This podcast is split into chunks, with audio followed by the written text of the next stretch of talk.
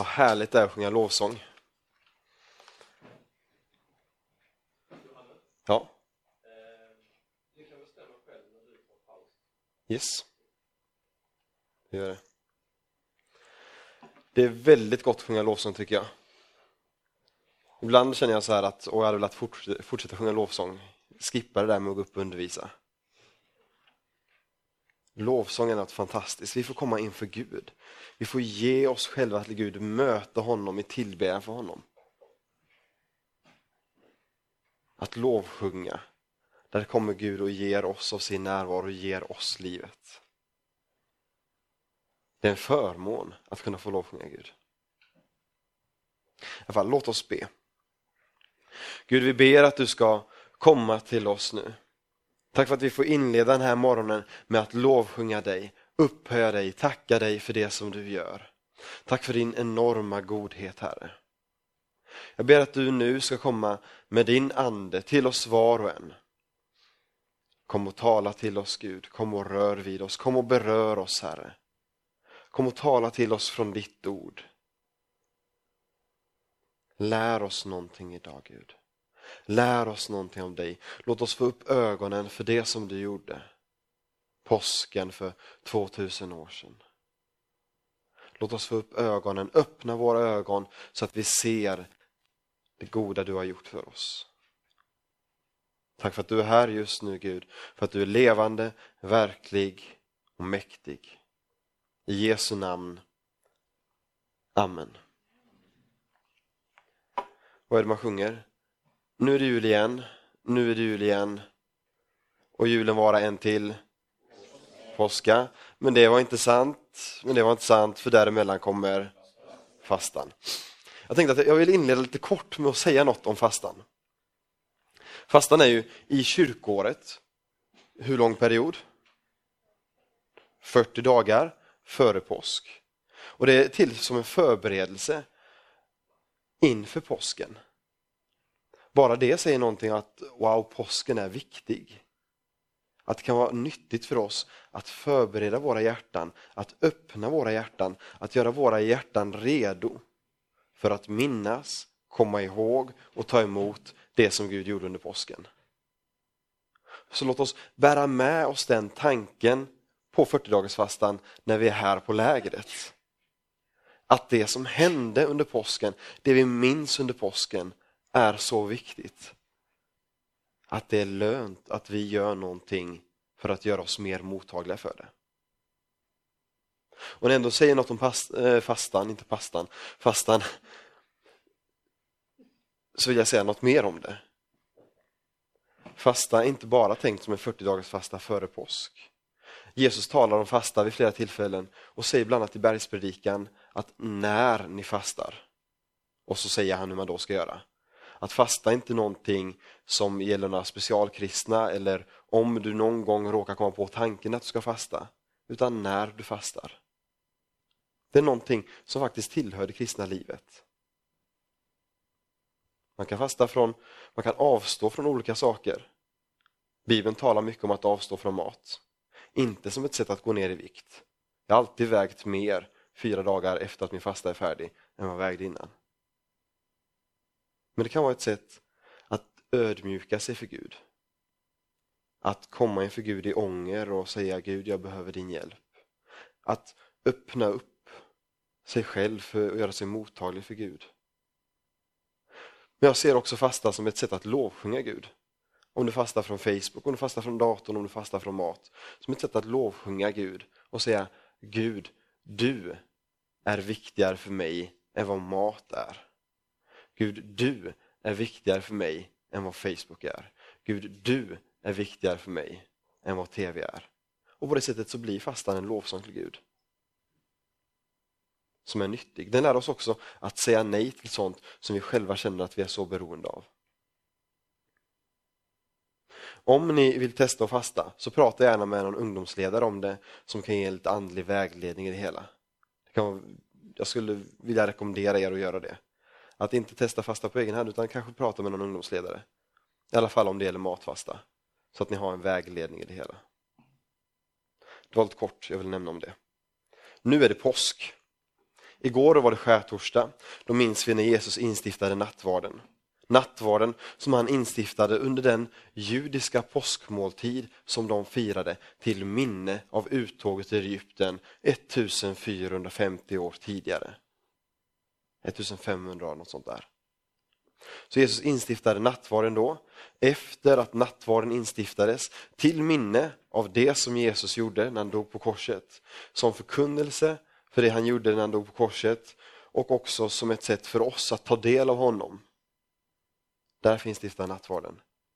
Efter instiftandet av nattvarden så gick de iväg till Getsemane, som vi läste om i texterna.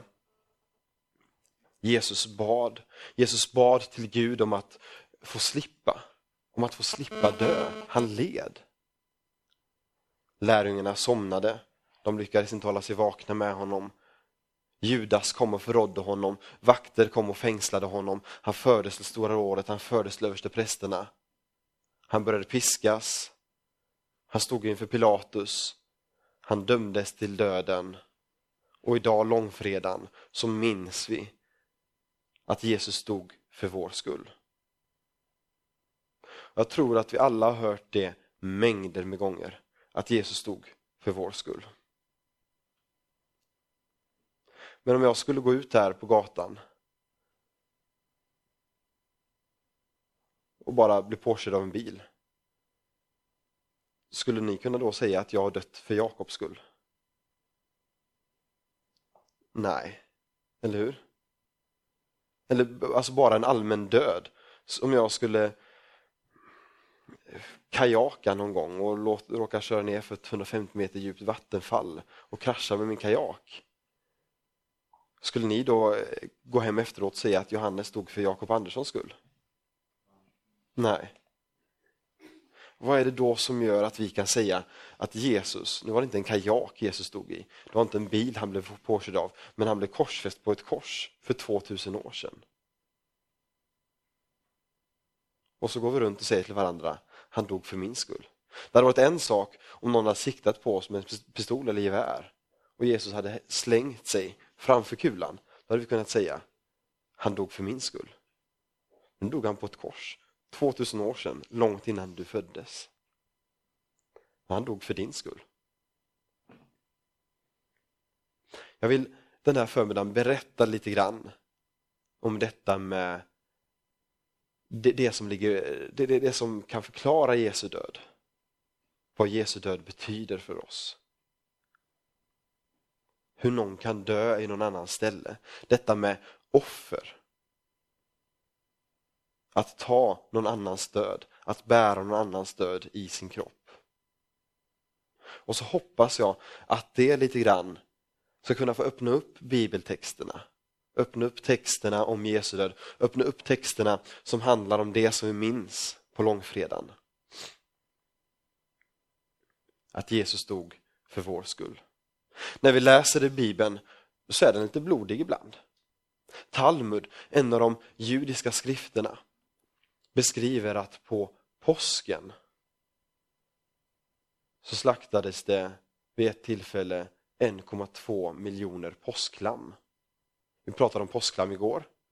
Till minne av befrielsen i Egypten där man slaktade lamm, strök på dörrposterna. Och man slaktade påsklam på påsken som ett minne av detta. Och Talmud beskriver att någon påsk slaktar med 1,2 miljoner lamm. Det blir mer än 10 liter blod av 1,2 miljoner lamm. Alltså det, det är rätt så blodiga stories. Och för oss idag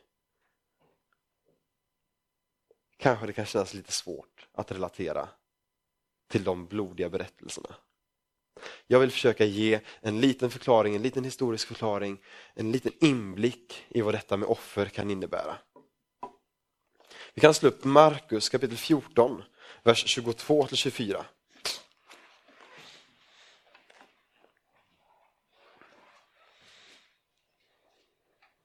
Markus kapitel 14, vers 22 24. Och jag tror ni kommer känna igen texten för det är samma innehåll som det vi läst för några tillfällen nu. Markus 14, 22 24. Det här handlar om när Jesus instiftar nattvarden. Och vi läser det en gång till. Och där står det att medan de åt tog Jesus ett bröd, tackade Gud, bröt det och gav åt dem och sa Tag, detta är min kropp. Och han tog en bägare, tackade Gud, gav åt dem och de drack alla ur den. Och han sa till dem, detta är mitt blod, förbundsblodet som är utgjutet för många.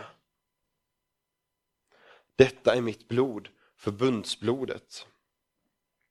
Detta är mitt blod, förbundsblodet. Detta är mitt blod, förbundsblodet. När Jesus säger detta till lärjungarna så verkar det som att han förväntar sig att genom de orden ska de förstå vad det handlar om. Förbundsblodet.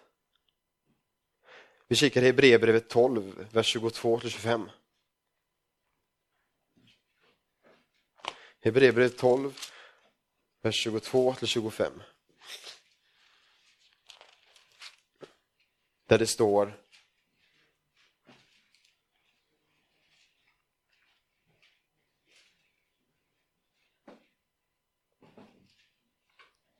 Jag vill läsa 24 bara, vers 24.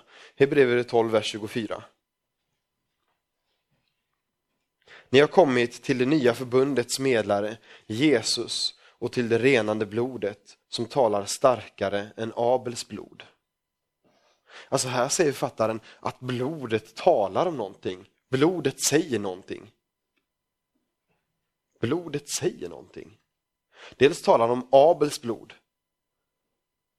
Minns ni vem Abel var eller vet ni vem Abel var? Den första personen som enligt Bibeln blev dödad på jorden. Vad talar hans blod om? Hans blod talar om hämnd, om revansch, om straff. Det Gud beskriver hur hans blod ropar upp från marken om att Kain ska straffas. Om ett straff för Kain som dödade honom. Så Abels blod talar om hämnd, revansch, straff. Och Hebreerbrevets författare säger Jesu blod talar starkare än det. Jesu blod talar om förlåtelse, försoning, rening. Vad innebär detta med blod? Jag har fått berättat för mig att när Livingstone och Stanley kom till Afrika för ungefär 150 år sedan så hade de stora problem med att folk stal deras mat. Stammar som de passerade ställde till problem för dem. Stammar som de passerade stal mat från dem. Och till slut då så sa guiden till Stanley eller Livingstone att varför går ni inte in i blodsförbund med de här hövdingarna? Då löser sig allting. Och de här då, Livingstone och Stanley undrade, vad då blodsförbund? Vad är det som löser sig om vi går in i ett blodsförbund? Och så hade guiden sagt att går ni in i blodsförbund så det innebär att då byter ni blod med varandra. Ni, ni skär upp ett jack någonstans och så dricker ni blod, tar ni varandras blod, dricker det och så går ni in i blodsförbund. Det här är inte för att vi ska göra det, utan det här är bara för att beskriva lite grann, alltså en, en blodsterminologi som inte vi riktigt vi har i vår kultur. Och så dricker ni blodet och efter det, då har ni ingått i blodsförbund. Det innebär att ni typ blir ett. Det innebär att allt hans är ditt och allt ditt är hans. Det innebär att han kommer supporta dig med allting. Alltså ni har ett förbund som ni inte kan svika, som ingen av er kan svika. Och jag hörde då beskrivningen av blodsförbund som innebär att det man förmedlar i förbundet är att vi är så sammansvetsade så att vi är ett. Vi är inte längre två, vi blir ett kött, mer än ett tvillingpar. Jag älskar dig lika mycket som jag älskar mig själv. Jag älskar dig av allt mitt hjärta, av all min själ och av all min kraft. Vad du än ber mig om kommer jag att göra. Allt mitt är ditt. Alla mina pengar och rikedomar är dina och står till ditt förfogande när helst du behöver det. Jag kommer att vara vid din sida och beskydda dig även om jag måste sätta livet till. Dina fiender är mina fiender, din strid är min strid. Kommer de emot mig, kommer de emot dig så kommer de emot mig. Och att blodsförbundet innebär att man blev typ till ett. Man ställde upp för varandra, man försvarade varandra. Då var det inte längre aktuellt att några i en stam stal från dem. Så de här Livingstone Stanley ingick blodsförbund med massa människor. För då blev det fred överallt. De fick massa goda relationer, de slapp sina problem. Vi märker samma sak när vi läser om Abraham i Gamla Testamentet. Vid ett tillfälle så börjar Gud och Abraham dividera lite grann. De snackar lite grann. Gud säger att jag ska vara med dig. Abraham han är osäker, han litar inte riktigt på Gud. Gud, vad har du för bevis på detta? Vad har du för tecken på detta? Nu är vi i första Mosebok 15. Abraham säger, Gud visa mig på något sätt att du, att du håller vad du lovar här. Vad är det som händer när Abraham ställer de här frågorna till Gud? Gud ber Abraham att plocka fram lite djur. Gud ber Abraham att plocka fram lite djur och Abraham förstår direkt vad det handlar om. Att nu, nu vill Gud visa att han verkligen kommer hålla vad han lovar. Det innebär att vi kommer ingå förbund, jag och han. Så när han säger till mig att plocka fram djur, då innebär det att han vill att jag ska slakta djuren. Så det står inte beskrivet hur Gud säger till Abraham att han ska slakta djuren. Men Abraham börjar slakta djuren ändå och lägga upp dem på ett altare. Så när Abraham var osäker på om Gud skulle hålla sitt löfte så sa Gud att de skulle ingå förbund genom att slakta djur. Och därigenom så verkar Abraham fyllas med en säkerhet på att Gud kommer hålla vad han lovat. Alltså det verkar vara så, så som vi signerar någonting idag för att bekräfta, jag står för detta, jag kommer hålla vad jag lovat. Så verkar det här slaktandet och offrandet vara ett sånt tecken. Och när det då är dags att sluta själva förbundet så gör Gud så att Abraham somnar och istället så är det Gud som går mellan de här köttstyckena. Så Gud sluter lite grann förbund med sig själv i Abrahams ställe. Det tycker jag är rätt häftigt om man sen tänker på vad som händer senare med Jesus. Men det kommer jag att återkomma till. Alltså tänk på förbundet, slaktandet, offrandet så som en signatur. Någon som garanterar någonting. En parentes där kan vara när man tänker på David och Goliat. David säger till Goliat att Goliat är oomskuren. Och efter det börjar David springa fram emot Goliat. Vad är det tecken på? Att David var omskuren. Vad var omskärelse för någonting? Det var en liten blodig ritual. För att vara ett tecken på blodsförbundet med Gud. Så genom att David där deklarerar att Goliat är oomskuren så proklamerar han samtidigt att jag är omskuren. Det innebär att jag står i ett tydligt och starkt förbund med Gud. Ser ni kopplingen? Då vet han att Gud är med mig. Jag har ett förbund med Gud. Och då vet han att Gud är med mig nu när jag springer mot Goliat. Och så springer han mot Goliat som var mycket större.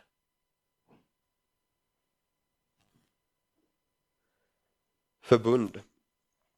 Offrandet var ett sätt att sluta förbund. Två liv blir ett liv. Typ som äktenskap. Äktenskapet är ett förbund. Offrandet i Gamla Testamentet handlar om att man sluter förbund.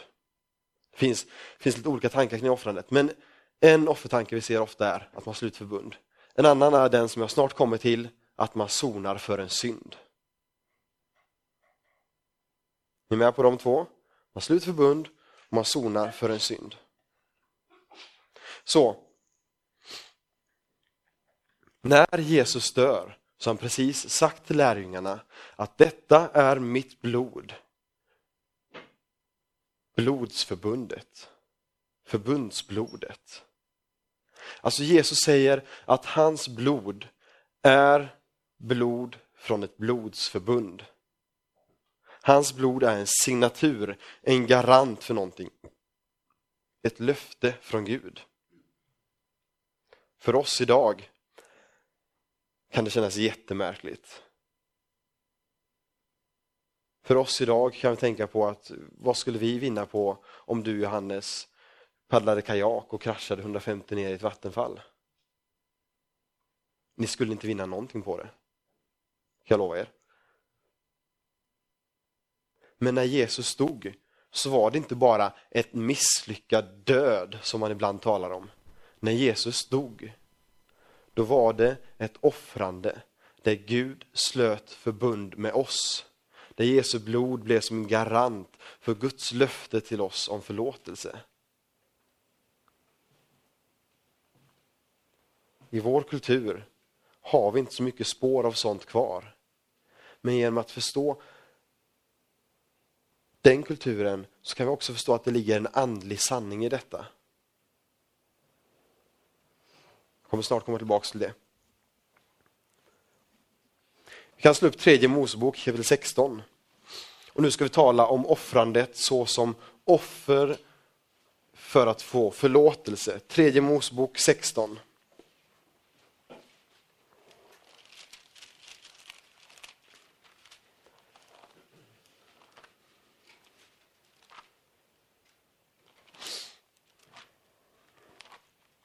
Tredje Mosebok 16.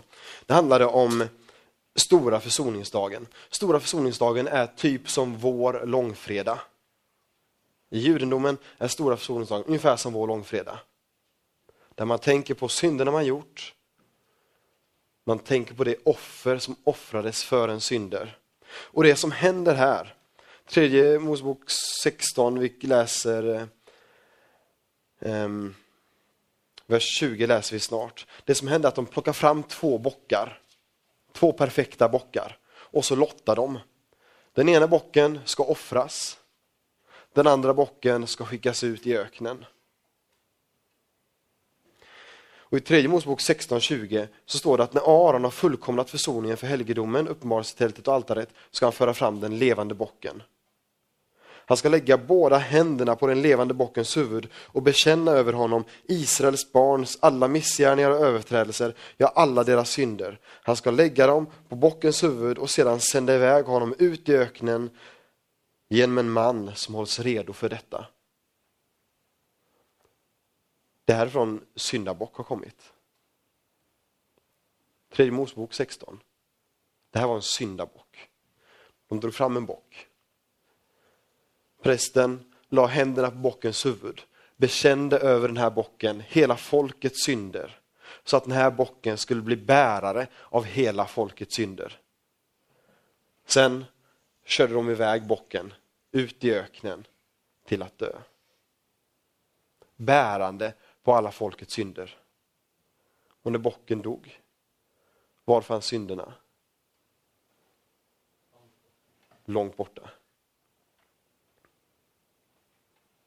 Det är som om jag skulle ha en stor ryggsäck på min rygg.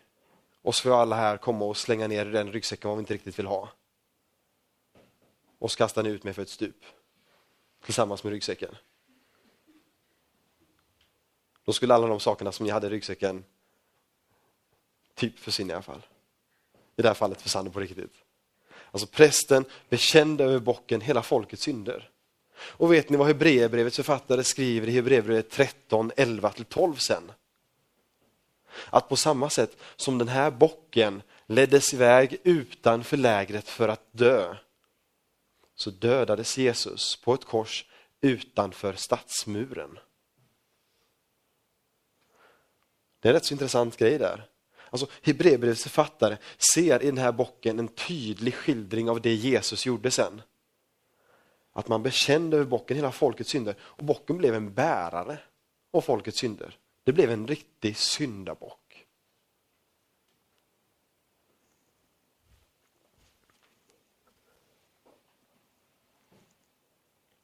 Det blev en syndabock.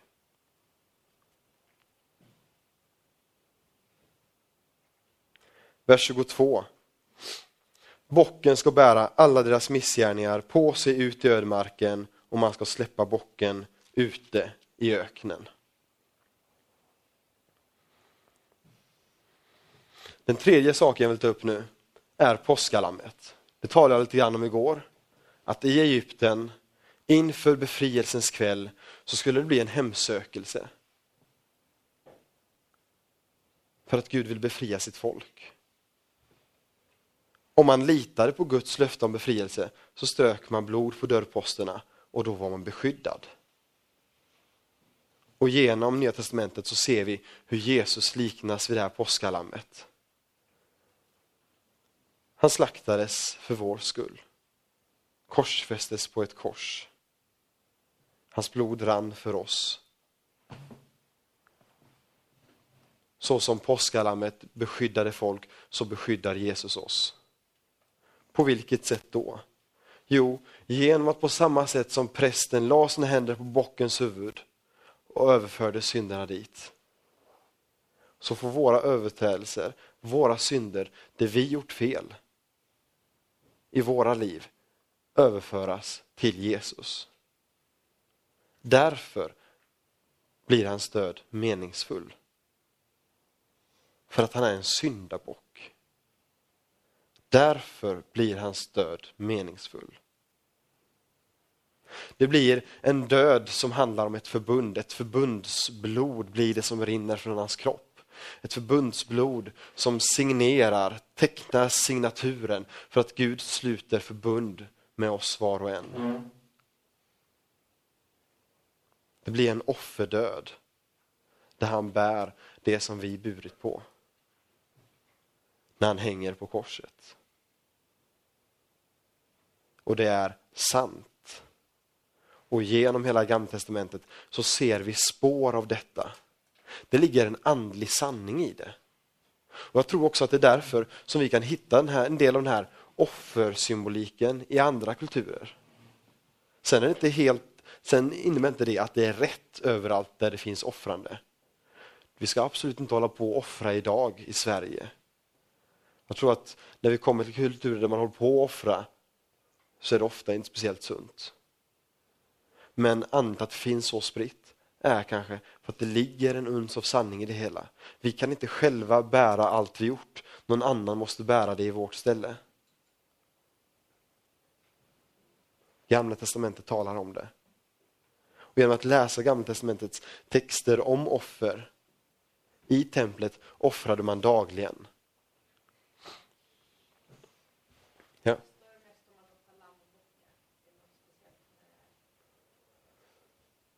Man, man offrade mycket lamm, bockar, även tjurar och fåglar.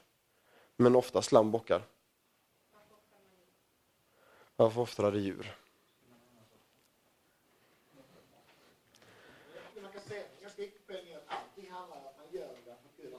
Ja, Nej. precis. Det är Precis. Precis, att Gud hade sagt det och det var ett sätt som, som ja, ett sätt som Gud sa att så här får ni syndernas förlåtelse. Det ligger en andlig sanning i det. Eh, det, det är sant, så, så gjorde man, så gör man, så sa Gud att det här är sättet att få förlåtelse. Eh, varför behövde då Jesus dö? Bibeln beskriver hur det hela världen är i den ondes våld. När Jesus frestas av djävulen säger djävulen att han har makten på jorden. Det beskrivs även på andra ställen att djävulen är en ondesvåld. Den onde har inflytande här.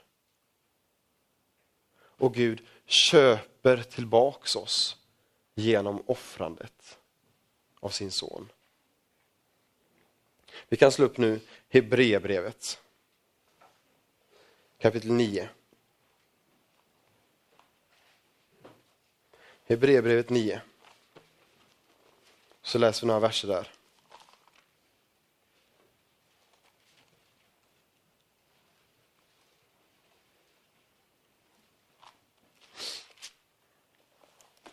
Hebreerbrevet 9 talar om hur det som skedde i Gamla Testamentet var en förebild för det som Jesus gjorde. Vi läser vers 7.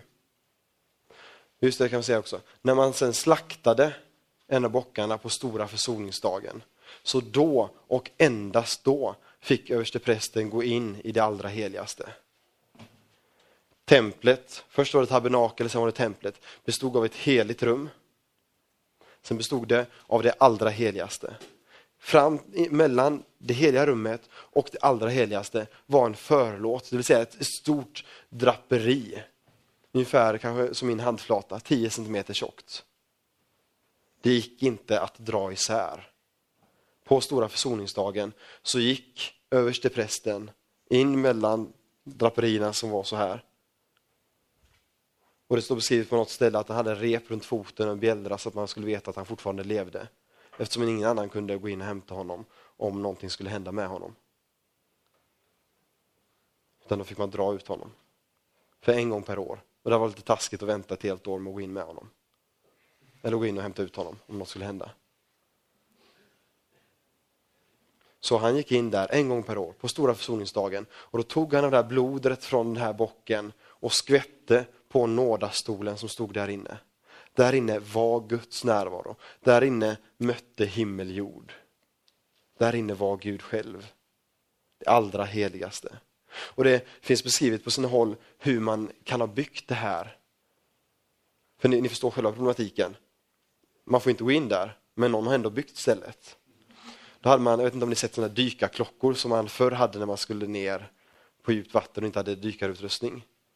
Typ något sånt hade man. Alltså man hade boxar som man hissade ner uppifrån med, som gjorde så att man inte behövde stå på marken och man såg inte till sidorna och man såg inte uppåt. Men man kunde lägga nästa golvplatta. Så flyttades boxen, kunde man lägga nästa och så fortsatte man så. Men det var i alla fall det allra heligaste. Där var Gud själv. Varför fick man inte komma in dit? För att man var syndig. För att man bar på synd. Jag kommer tala mer om synd under nästa pass. Men i alla fall, när översteprästen gick in där så skvätte han blod på nådastolen en gång per år. Till försoning för folkets synd, till förlåtelse för folkets synd.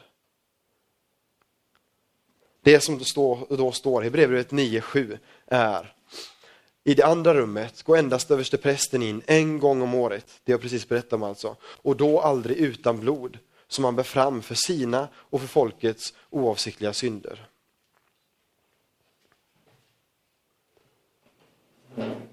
vers 10. Liksom, liksom när det gäller mat och dryck och olika slags reningar så är det här fråga om yttre föreskrifter fram till tiden för en bättre ordning. Det är fråga om föreskrifter som pekar framåt mot något annat. Vers 11. Men nu har Kristus kommit som överstepräst för det goda vi äger. Så har Jesus kommit som en sån här överstepräst istället. Genom det större och fullkomligare tabernakel som inte är gjort med händer, det vill säga som inte tillhör den här skapelsen gick han en gång för alla in i det allra heligaste, inte med bockars och kalvars blod, utan med sitt eget blod och vann en evig återlösning. Så här beskrivs det om, förr har man behövt offra varje år, förr har man offrat varje dag. Nu kom Jesus och bar ett fullkomligt offer. Genom att gå in och ta vår roll, ta vår plats. Vers 14. Hur mycket mer eller vers 13 först, sen vers 14. Om nu redan blod av bockar och tjurar och askan från en kviga stängt på de orena, helgar till yttre renhet. Alltså om nu redan folket fick förlåtelse genom de djur som offrades. Så vers 14. Hur mycket mer ska då inte Kristi blod rena våra samveten från döda gärningar så att vi tjänar den levande guden? Ty Kristus har genom den evige ande framburit sig själv som ett felfritt offer åt Gud. När vi läser om offrandet, både påskalamm försoningsdagen och förbundsslutande offer så läser vi om att det ska vara fina djur, felfria djur som inte var skadade på något sätt. Och här beskriver författaren hur Jesus var ett felfritt offer. Han levde som människa men utan synd. Vers 22. Så renas enligt lagen nästan allt med blod och utan, blod, utan att blod utgjuts ges ingen förlåtelse. Så utan att blod utgjuts så ges ingen förlåtelse. Nästa pass kommer att tala lite grann om synd. Alltså synd är något sånt fruktansvärt. Så det måste ta, någon måste ta ett straff för den synd som sker. Författaren säger, utan blod ges ingen förlåtelse. Vers 24. Ty Kristus gick inte in i en helgedom som är gjord med händer och som bara är en bild av den verkliga helgedomen. Han gick in i själva himlen för att nu träda fram inför Guds ansikte för vår skull. Så här beskriver författaren att när Jesus hängde och dog på korset, då var han som påskalammet, då var han som syndabocken, då var han som offerbocken, då var han som förbundslammet. trädde fram inför Gud själv. Vers 25. Inte heller gick han in för att offra sig många gånger, så som översteprästen varje år går in i det allra heligaste med blod som inte är hans eget. I så fall hade han varit tvungen att lida många gånger allt sedan världens grund blev lagd. Men nu har han trätt fram en gång för alla för att vid tidernas slut för att genom sitt offer utplåna synden. Offren fram till Jesus pekade som profetiska tecken fram mot Jesus.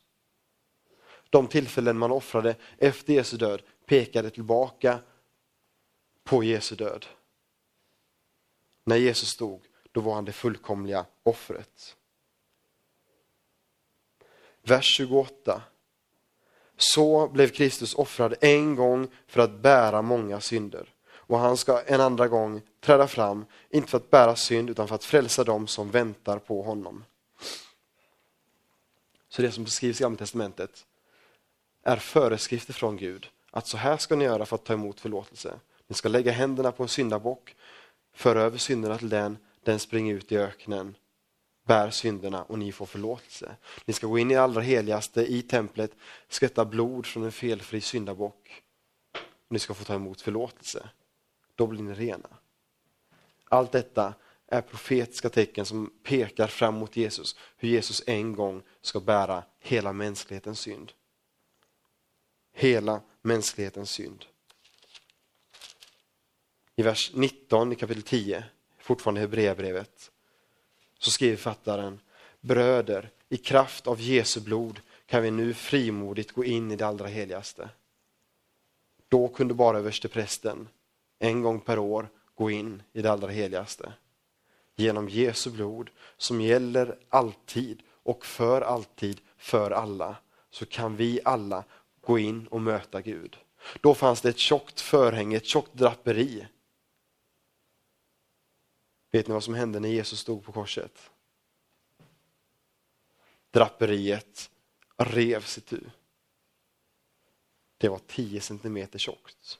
Det var som en handflata i bredd. Det var ett tjockt draperi. Det gick inte.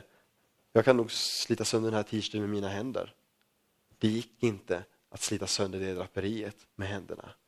Före draperiet fanns det heliga Bakom draperiet fanns det allra heligaste, Guds tron, Gud själv. När Jesaja ser Gud i Jesaja 6 så beskriver han att Gud var så stor så att bara ett litet mantelväck rymdes in i det allra heligaste. Men ändå, där var Gud.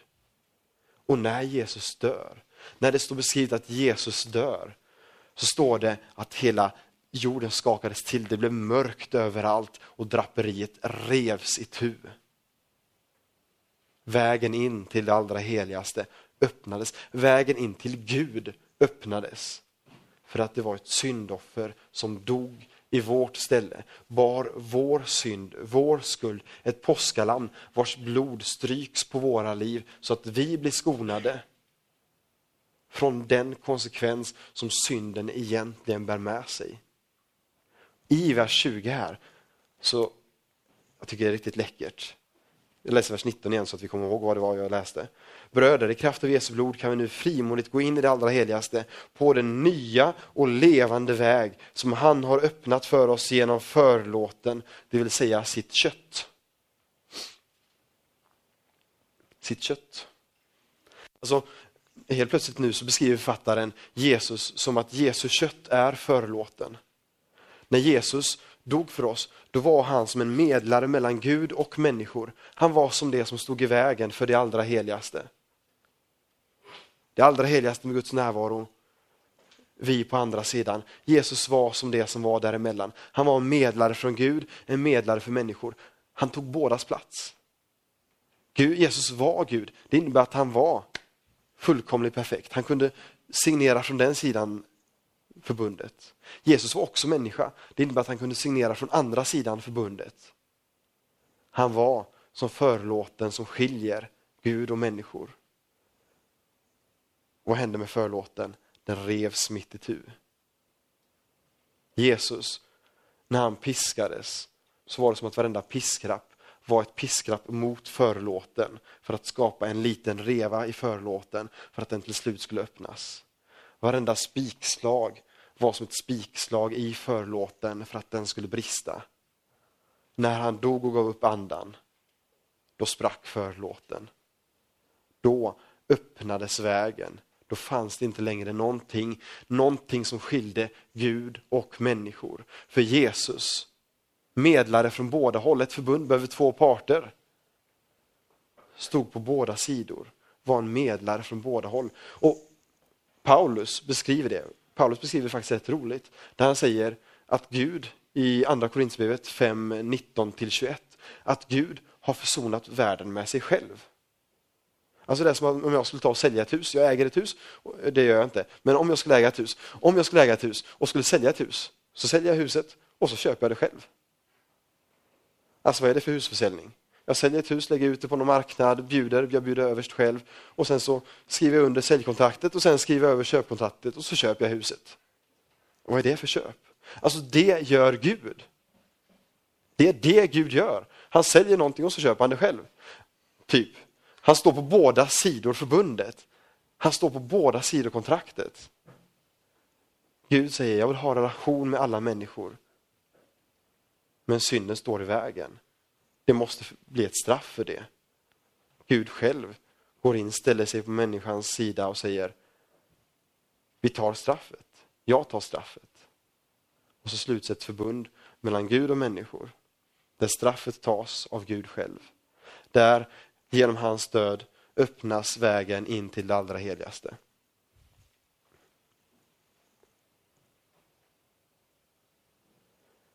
Andra Korinthierbrevet 5.21 beskriver att Jesus blev gjord till synd istället för oss.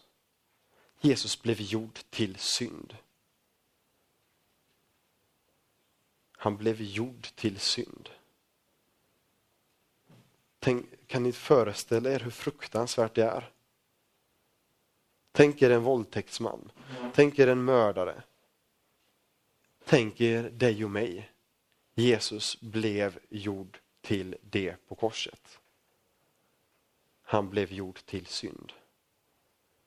Så skriver Paulus i andra Korinthierbrevet 5.21. Han blev gjord till synd.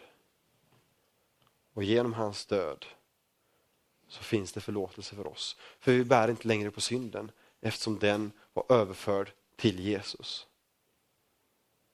Det var sättet att lösa det på. Det var det som alla offer genom Gamla Testamentet pekade fram mot. När Gud sa till Israeliterna att ni ska offra för att få förlåtelse, då pekade det fram mot den offerdöd som Jesus dog för vår skull.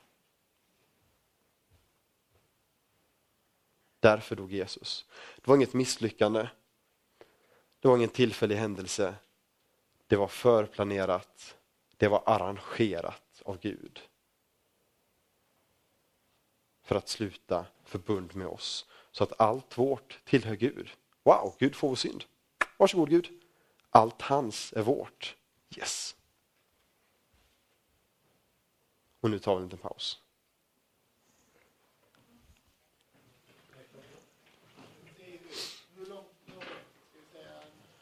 Kvart paus. 20 paus. Kvart över, 25 minuter paus. Kvart över.